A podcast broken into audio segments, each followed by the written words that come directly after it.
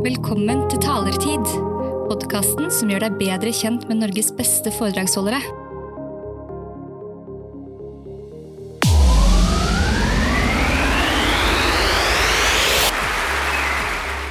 Wow.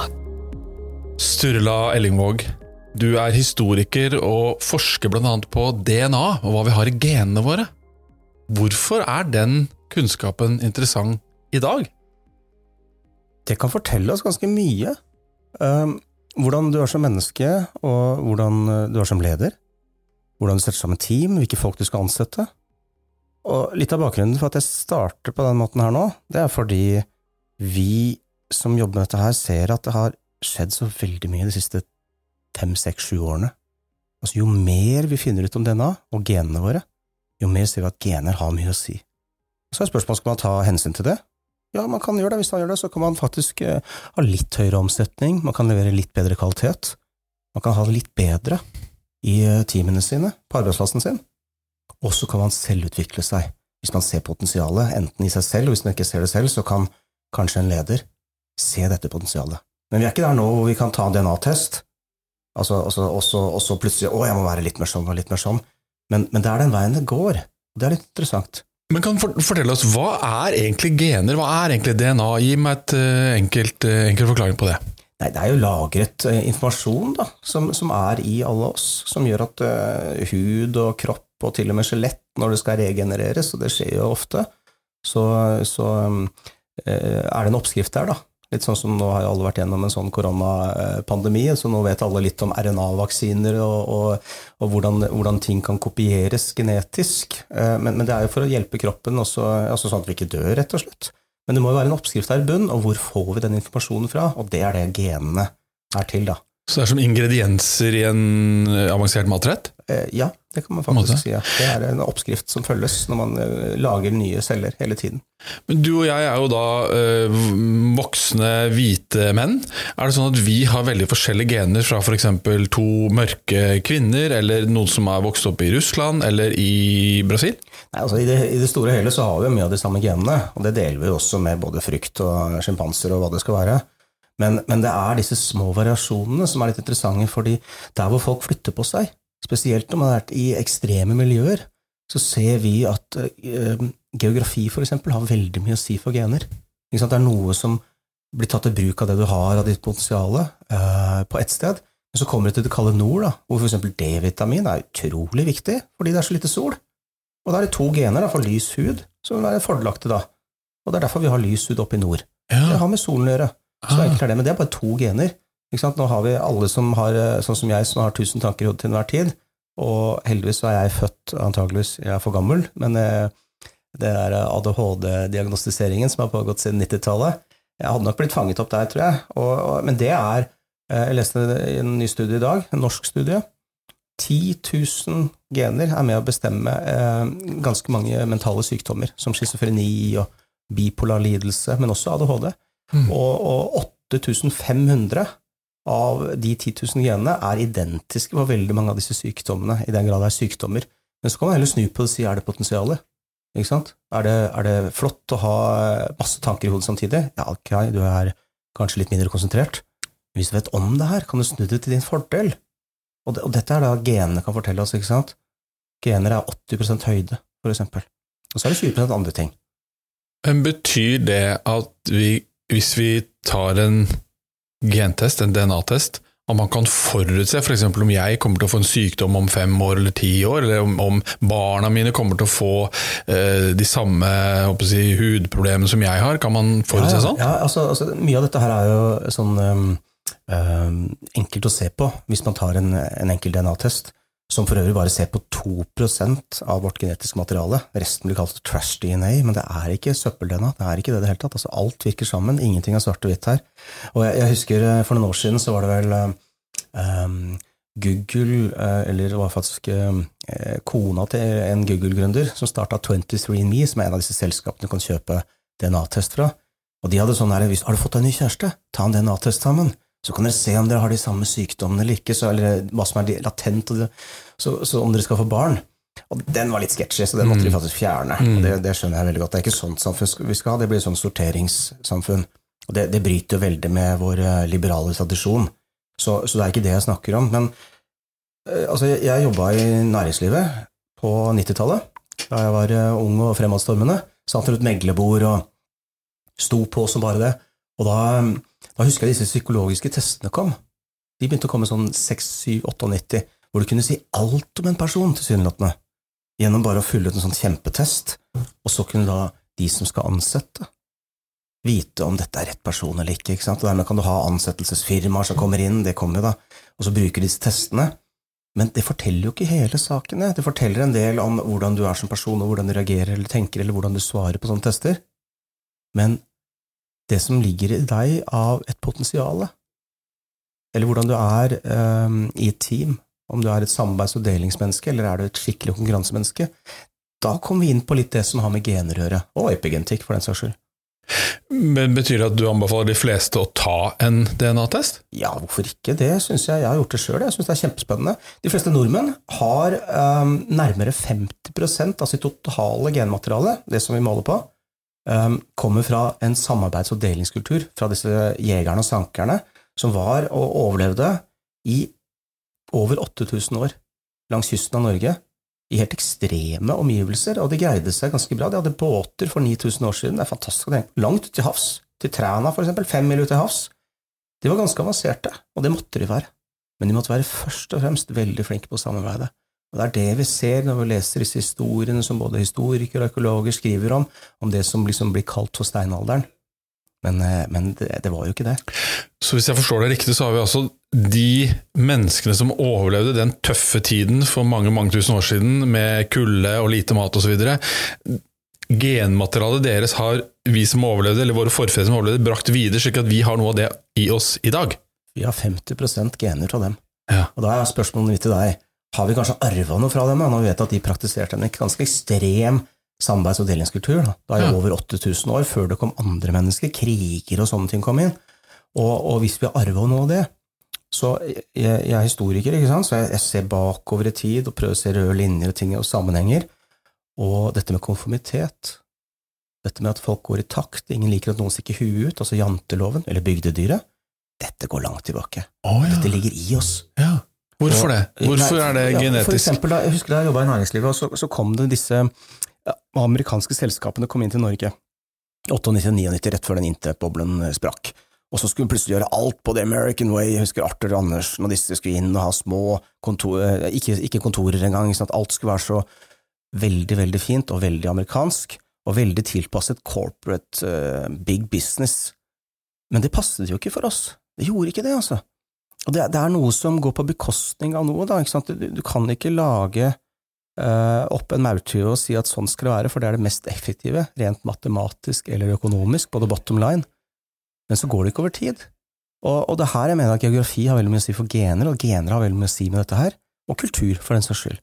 Så, og det er, det er litt derfor da, at norsk og svensk og dansk eh, ledelses... Eh, eller organisasjonskultur er såpass forskjellig.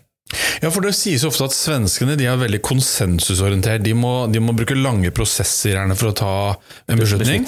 Danskene har hvert fall rykte på seg for å være litt mer sånn røffe og direkte og rå, kanskje. Mm. Mm. Mens vi nordmenn er kanskje, blir ofte sett på som litt, litt godtroende, litt opptatt av å eh, unngå konflikt osv. I den grad de stereotypene er riktige, da, er det faktisk genetiske spor i den, de kulturelle forskjellene mellom oss? Absolutt. absolutt. Det er det jeg prøver å si, og det er det jeg forteller om hvordan dette er i oss, og hvis vi kjenner til det her, det er da vi kan få disse um, snu tilsynelatende negative ting eller utfordringer til uh, positive fordeler. Det det, kan, kan, du gi et eksempel? Eh, jeg vet at du, du liker å se på ledere og ja, lederstil, ja, ja. Både, både, innen idrett. Kan du gi et eksempel på hvordan det kan være nyttig for en leder å kjenne til sine medarbeidere, kan du si DNA, eller hvor de kommer altså, fra? Altså sånn, eh, jeg har en, en, kamerat som jobber i SAS, eh, og det er veldig morsomt. Han heter Roy. Og Han er fra Nord-Norge, og der har de en sånn kystkultur som, som min familie også fra Nordvestlandet har. hvor, hvor Veldig mye av det som er praktisert på båt gjennom århundrer, eller årtusener, er kopiert på land. Og det er ganske rake pucker, du sier det som det er, holder, legger ingenting imellom. Og, og, og, det kjennetegner ofte nordlendinger, og Roy han forteller meg at i SAS, hvor han jobber, der er det veldig mange ledere fra Nord-Norge. De liker det, å ha ledere fra Nord-Norge, fordi de legger ingenting imellom. Det er rett på sak, sier det som det er. Så det kommer av den gamle sjømann altså, eh, om man bor i båt, skip, på fiske? Ja, altså I så ekstreme omgivelser som det er, for vi er veldig langt nord, altså. I Sandnessjøen f.eks., der er det, det, det er, Snur globusen, så er det på Antarktis. Det er, det er ganske ekstremt sammenlignet med mange andre steder i verden. Og hvis de ikke hører på båt, så kan hele båten dø. Og sånn var det også før, gjennom tusenvis av år. Hvis du ikke hører etter, hvis det er den der som ikke er med og hjelper til å planlegge, så kan alle dø. Det kan ikke være sånn Sturla, kunne du tenke deg å gå ut og se om et av tauene våre, et av tampene våre, kanskje? Eller, eller hva tenker du? Sånn Gå på dekk og ta inn snora, ikke sant? Eller, ja, ja, det er klart det. Og, og Roy han sier at i SAS, så, så når han eh, Altså hvis man kan bruke litt eh, selvironi når man snakker til dansker og svensker, så funker det veldig bra på dem som nordmann. Ja. Hvorfor er svenskene da Eller hva kan du si om svenskene og danskenes kultur som kommer fra deres DNA? Jo, jo, for veldig mye av um, det svenske og det norske genmaterialet er felles, når vi går langt tilbake i tid, på dette med som har med jeger- og sankersamfunn. Og der har vi også en øh, ganske um, Du får ganske uh, lite Eller du har veldig konfliktsky mennesker i det svenske og norske kulturen. Det kommer fra dette her.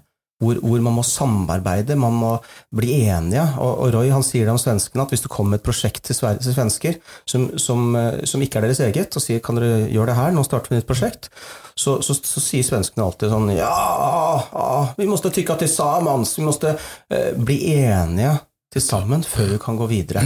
Ingmar Kamprad han skrev det her ned i sine Han hadde sånne teser på 70-tallet av eh, hvordan Ikea skal styres. Du, du, må, når besluttet er fattet, så går man videre. Og da er det bare gjennomføringen som, som det står på. Uh, og det betegner så veldig den der svenske kulturen. Mens i Norge så har vi en litt sånn annen greie. For, for, sånn som i SAS, da, hvis vi fortsetter på den. Når Roy kommer til danskene og sier 'her har dere et prosjekt', og så er ikke prosjektet deres eget, da svarer de alltid nei. Nei, det går sgu ikke! Og så kommer de etter, da. Du må bare hale dem litt inn, ikke sant? Og, og, og så ja, ja, ok, ok, vi kan godt eh, Ja, og så, så blir de med på det. Og sånn er det, liksom, Der er det forskjell på svensker og dansker. Mens nordmenn, de sier alltid, når de får et nytt prosjekt, så sier de alltid ja! Og så sier de etterpå til seg selv hva var det egentlig de sa ja til nå? Ja, altså, og de vet knapt hva de sa ja til, de vet ikke hvem som skal gjøre det. Og jo mindre strukturert prosjektet er, jo bedre er det. Ja. Fordi Det er også noe med hierarki som inn her. Dans, Danmark ligger nærme Tyskland, hvor det er ganske stor avstand fra ledere til de ansatte. ikke sant? Det er forventet. Men da er det også en veldig lav grad av um, prøving og feiling. Man tør ikke ta eget initiativ. Mens det er noe annet i, i Norge og Sverige, hvor det har mye mindre hierarki, og spesielt i Norge. Det er nesten ikke noe. Altså, kan du ha ansatte som ikke respekterer hierarki i det hele tatt. Norge er bl.a. kjent for å ha bygget opp en veldig sterk offshore-kultur og en teknologi som er i verdensklasse på både å finne og utvinne olje, og Ja. nå gass. Ja. Er det, er, kan vi skylde på genene for at vi fikk til det? Ja, jeg, jeg mener at dette her er en del av den helheten, fordi um, dette med prøving og feiling um, altså, Jeg har en, en kamerat som er uh, ute av Stanford, en amerikaner. Han er uh, i 60-åra, har tolv startups innenfor legemiddelbransjen.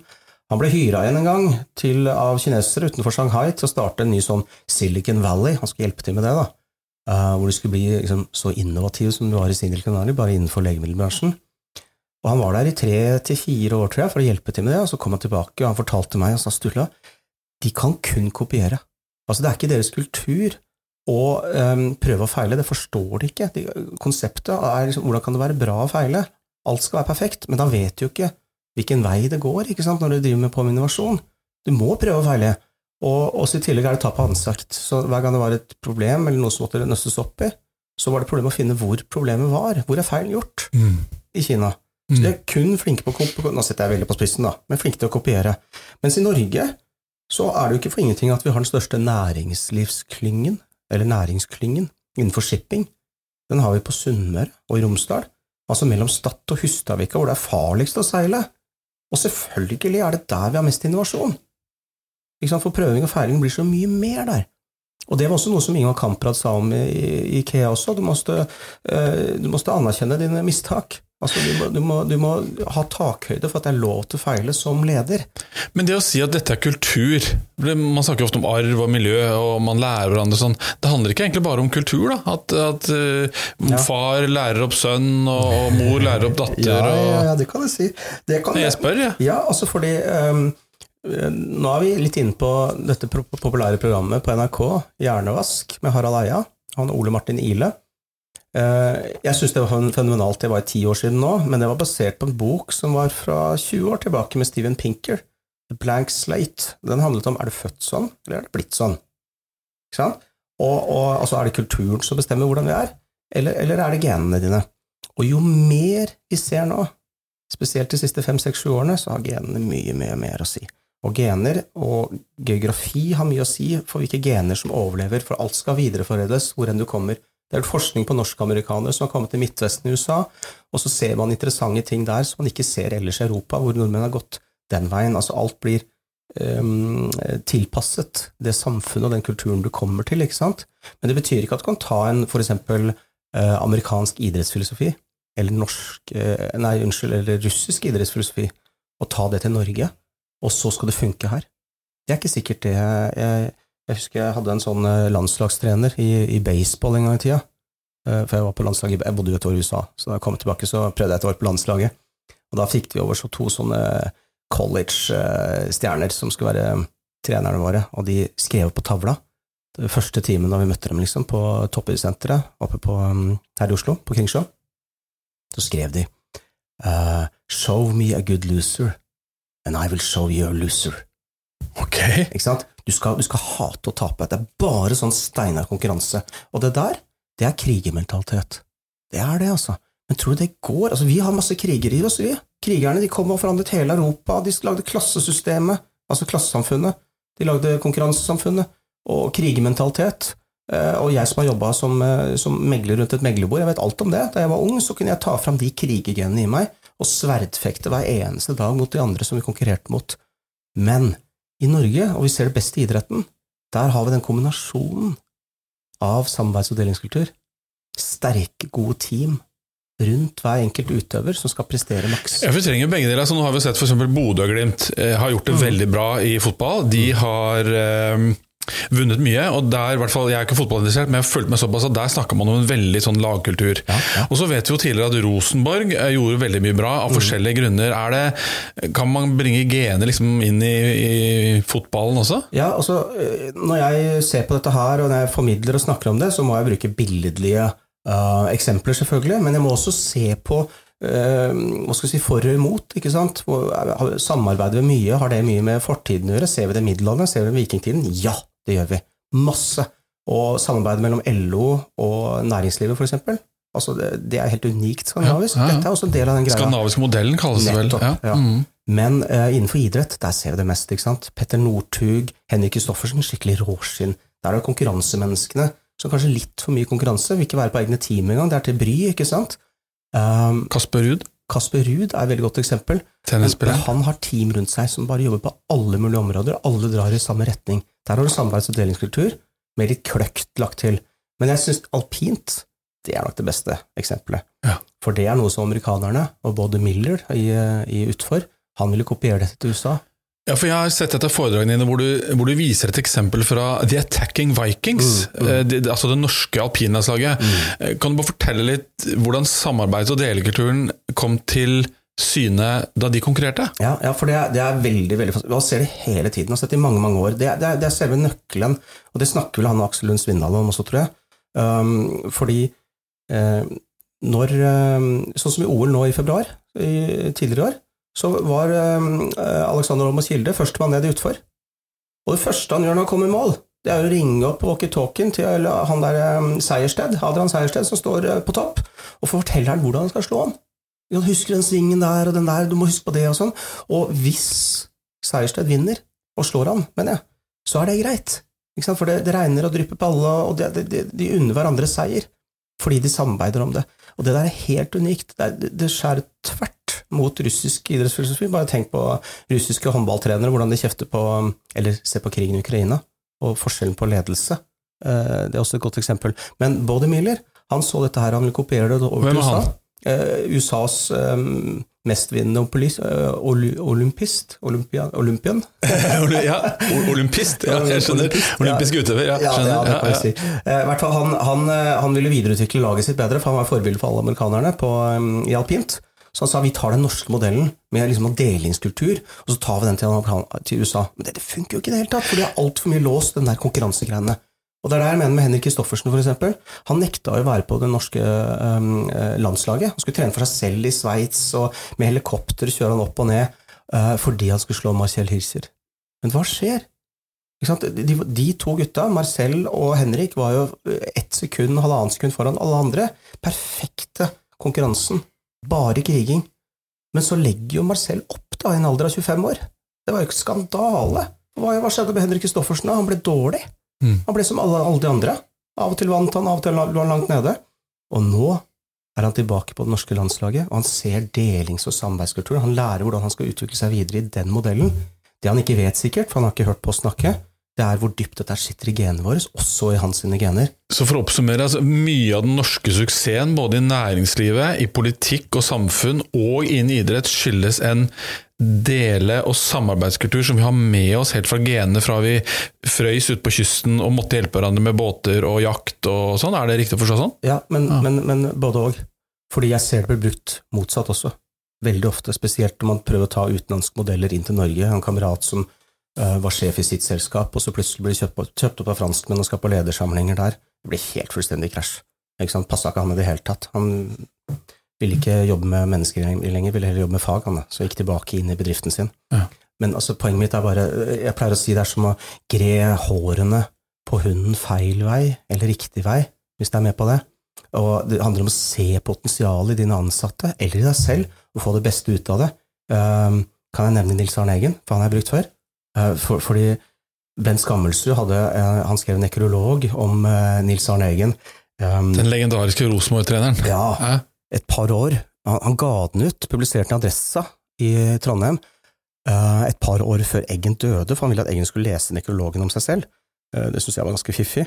Men han beskriver en situasjon i denne nekrologen for å fortelle litt om Nils Arne Eggen, hvordan han så potensialet i, eh, i folkene sine, og fikk det ut av dem. Og han forteller at han var helt fersk i, i, i Rosenborg, en inneslutta kar fra Rakkestad, som sto på hjørnet av 16-meteren, og da hadde i flere uker hadde Eggen vært etter han hele tiden, hakka, hakka, hakka på han, Sånn, banna han, nærmest fysisk vold, nesten. Og så sprekker han. Til slutt så sprekker Bent Skammelsrud. Og han skriver da, det er ute på eh, internett, så det er bare å søke opp, han skriver hvordan han har slengt seg ut alt han har av banneord fra, fra Rakkestad, og det er stille på hele banen. Alle ser på Eggen. Gå mot Bent Skammelsrud, og Bent Skammelsrud han skriver jeg eh, knytta nevene mine da han nærmet deg, ikke sant? Men alt Eggen gjør er å gå opp til han, ta hånda på skuldra, og så sier han nå har jeg fått deg dit jeg vil ha deg, Nettopp. jeg har fått deg dit jeg vil ha deg, og så reflekterer han over etterpå og sier han har helt rett, han fikk ut noe gitt meg, jeg, jeg, jeg var jo en leder, jeg visste ikke engang, og jeg tok ansvar, og jeg fikk en helt ny retning på livet. Men han, han visste han var bare sånn inneslutta kar som har vokst opp med en sånn litt for liten firkant og forventninger og formaninger fra oppveksten som han skulle passe inn i, som han ikke passa inn i. Eggen så et eller annet inne der som han lokket fram med, med litt sånn brutal språkbruk. Absolutt, med sine metoder, da, det skal jo sies, da, Ja, ja. Men, men han så noe i han, og, og, og det er det, vet du, og hvordan greie oss å vite om det her, det, er, eh, det, det handler om hvordan du skal sette sammen et team, skal du ha mest konkurransefolk, eller skal du ha mest samarbeids- og delingskulturfolk, altså, altså kan, du, kan du kombinere disse her? Dette er disse krigerne som kom senere, da, etter at uh, jegerne, uh, og det er litt spesielt med Norge og Sverige, det er så mange av de jegerne som har overlevd til i dag, altså genetisk. Det, det, har vi, det ser vi ikke i så mange andre land, bortsett fra der hvor vikingene dro. men var det ikke jegere i Tyskland og Spania og Frankrike og sånn også? De døde ut, alle sammen, Ok. da krigerne kom. Det kan ha vært pest, det er Ja. ikke sikkert at det var en, vold, ja, det var en voldelig tid, da, det var det jo. Men, men da bronsealderen starta, så var de fleste jegermennene i Spania, i dagens England og i dagens um, Tyskland, og til og med i Danmark og Sør-Sverige, 100% borte. Population turnover kalles det. Er det derfor det er, har også vært så mange kriger på kontinentet, og færre her oppe? Altså, hvis vi går nei, tilbake? for det er konkurransementaliteten, den store klassesamfunnet, krigerkulturen, er eliten for disse som kom, krigerne, indoeuropeerne, de var jo elite. Og, og, de hadde ekstreme regler som vi slekter mye på. Så vi har mye av det også, vi også. Vi har det. Men i Norge og Sverige, oppe i fjellene og oppe i nord spesielt, med alle havpattedyrene, med rav i Østersjøen, det var veldig mye verdier her, veldig mye verdifullt for disse krigerne. Men de greide ikke å komme opp hit, de måtte blande seg. Her greide de ikke å ta livet av jegerne. Hvorfor? Jo, fordi jegerne, Scandinavian Hunter-Gatherers heter det, de hadde de to genene for lys hud, så de kunne bare trekke seg nordover, så hadde de bedre overlevelsesevner lenger nord, og de kunne trekke seg opp i fjellene. For resten av Nord-Europa er nærmest flatt sammenlignet med fjellene i Norge og Sverige. Bare se på kartet når du ser sånn høydeforskjeller. Så de overlevde på grunn av geografi, og på grunn av det så greide de å blande seg med krigerne. Og derfor så har vi fått det beste av to verdener, og det var det vi ser da i både vikingtiden, det som vi kaller for jernalderen før, for da var det mange som goterne og sånn som kom ut av Skandinavia, og frankerne og anglerne og sakserne, anglosaksere, ikke sant, alle de som ble til tyskere, ble til franskmenn og, og frisere og anglosaksere i England, men også eh, Lombardia i Italia, altså Milan-området, business og industri der, eller store deler av eh, Madrid og Catalonia, som er gotisk navn. ikke sant? Det er masse som er arva der, men det er videreforedla hvert sted det har kommet. Så der er kriger og jeger- og sankersamfunnet blitt blanda, og så har det gått ut og blitt videreforedla basert på lokale forhold. Men vi må ta hensyn til de lokale forholdene som vi har fortsatt i Skandinavia i dag, mener jeg. I Norge eh, så kommer jo folk fra forskjellige steder, tross alt. Eh, og jeg vet også bl.a. på Nord-Norgekysten så er det jo folk med gener tilbake til f.eks. Eh, i spanjoler som fløy til land etter skipsforlis osv. Og jeg har erfart at du bl.a. har DNA-tester med i foredragene dine, hvor, hvor, hvor, du kan på forhånd lage DNA-analyse og så bringe det inn i formidlingen. Kan du fortelle ja, er, Hvorfor er det gøy, og, og, og, hva gjør du egentlig konkret da? Det er, det er veldig morsomt da, man kan ta DNA-prøver, eh, men altså, det er jo litt tidlig å kunne si sånn, sånn er du basert på genene. For eksempel, personlighet er 50% gener. Det er tross alt 50 da, men så er resten er basert på hvordan du vokste opp. og Eh, ja, mye epigenetikken der også. Det er klart det. Høyde er 80% gener, f.eks. Uh, men gener har mye å si, og, det, og, derfor er det veldig morsomt å kunne ta opp folk fra salen. og Det gjør jeg nå nylig oppe i Sandnessjøen, faktisk. Og, og, og, så kan man se på Hei, du har jo masse i deg. Og altså, hvordan ser det Forklar, hvordan ser det ut for de som ikke har vært med på det? Nei, da, tar jeg opp kart som viser hvordan uh, den rette farslinjen har kommet opp, hvilken vei den har kommet opp, og viser hvordan Um, du prosentvis hva du har av jeger og sanker og kriger og, og, jordbruker, for de var jo også i ligninga her, ikke sant? Og har du mye av det ene eller lite av andre, betyr det at du oppfører deg på en viss annen måte? Nja, vi er ikke helt der, men det handler om potensialet ditt. Du må vite at du har det her. Ikke sant? Jeg ser altfor mange mannfolk, for eksempel, som går litt sånn lut rundt og tilpasser seg en hverdag eller en tidsklemme som de ikke passer i nødvendigvis, når de egentlig er skikkelig krigere. De bare får ikke ut. Får du til idrett eller i squashhallen eller noe sånt, ikke sant? Tenk å ta det i bruk og, og få ut det potensialet. Og jeg mener at alle mennesker sitter på masse potensial som vi ikke vet om engang. Og det kan vi få ut. Og det er det jeg ønsker å hjelpe til med, da. Og det er jo greit, historikere kan fortelle om fortiden, men jeg prøver å gjøre fortiden interessant og relevant for oss i dag.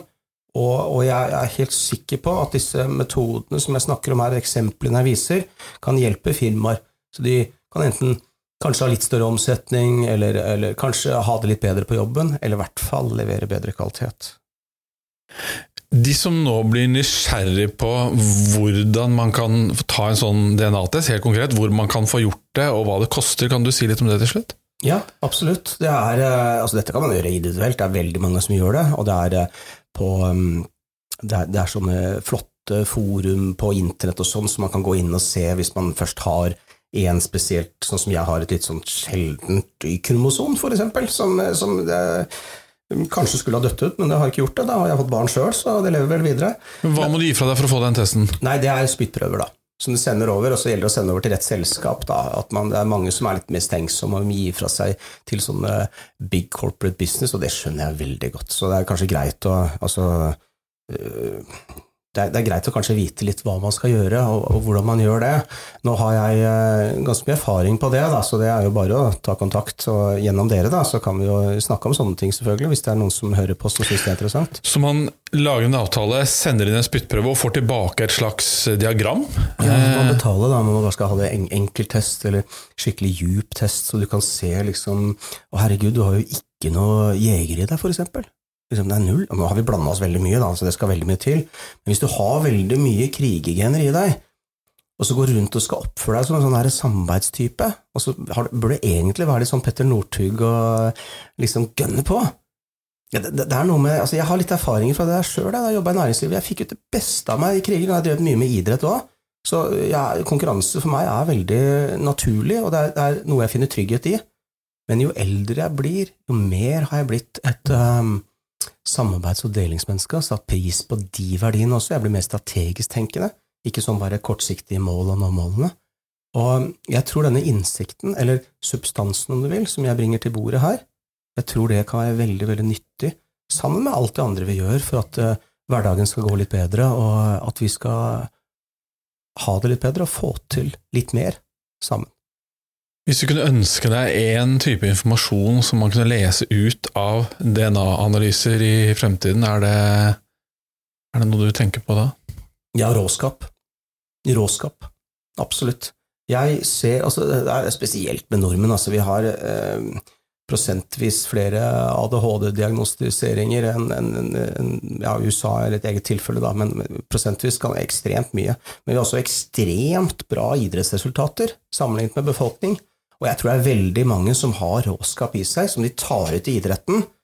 Og så, når man er ferdig med idretten, hva skal du gjøre da? liksom? Skal du inn i et sånt samfunn som er veldig veldig konformt? For det er dette her er krasjet vi har i Norge, med eh, konformitet, som er en del av samarbeids- og delingskultur, som ikke funker helt med konkurransementaliteten. Man liker ikke helt når folk har dette råskapet. Man har egne arenaer for det, og det kan man ha i næringslivet. Man kan det, og spesielt i internasjonal business. Og innovasjon, prøving og feiling, det er masse her. Forsvaret har skjønt det. De har oppdragsbasert ledelse. Det hele Nato kjører også, men det kommer fra um, Prøysen, altså Tyskland, det som ble Tyskland. De tapte for mange ganger til Napoleon, og brukte ca. 100 år på å utvikle det som heter oppdragsbasert ledelse. Du forteller alltid hva som skal gjøres, og du forteller alltid hvorfor. Det gjør ikke russerne. De sier bare hva. Men du forteller Vi ser hvordan det går. Ja. Ja.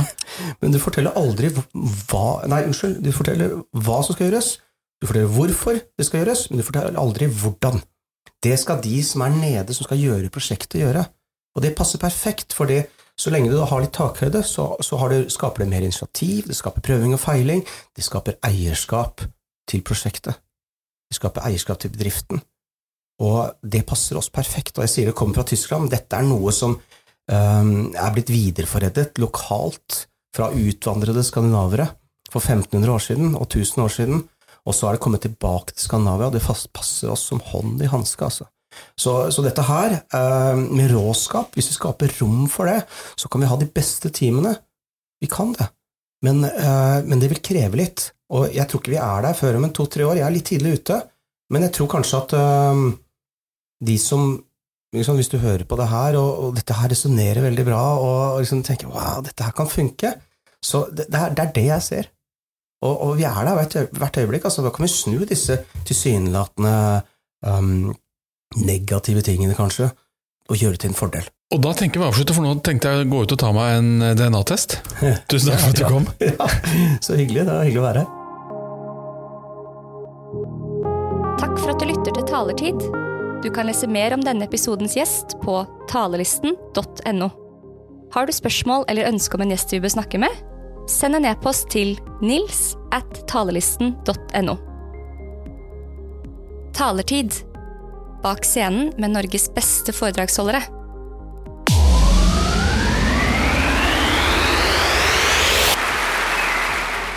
Wow.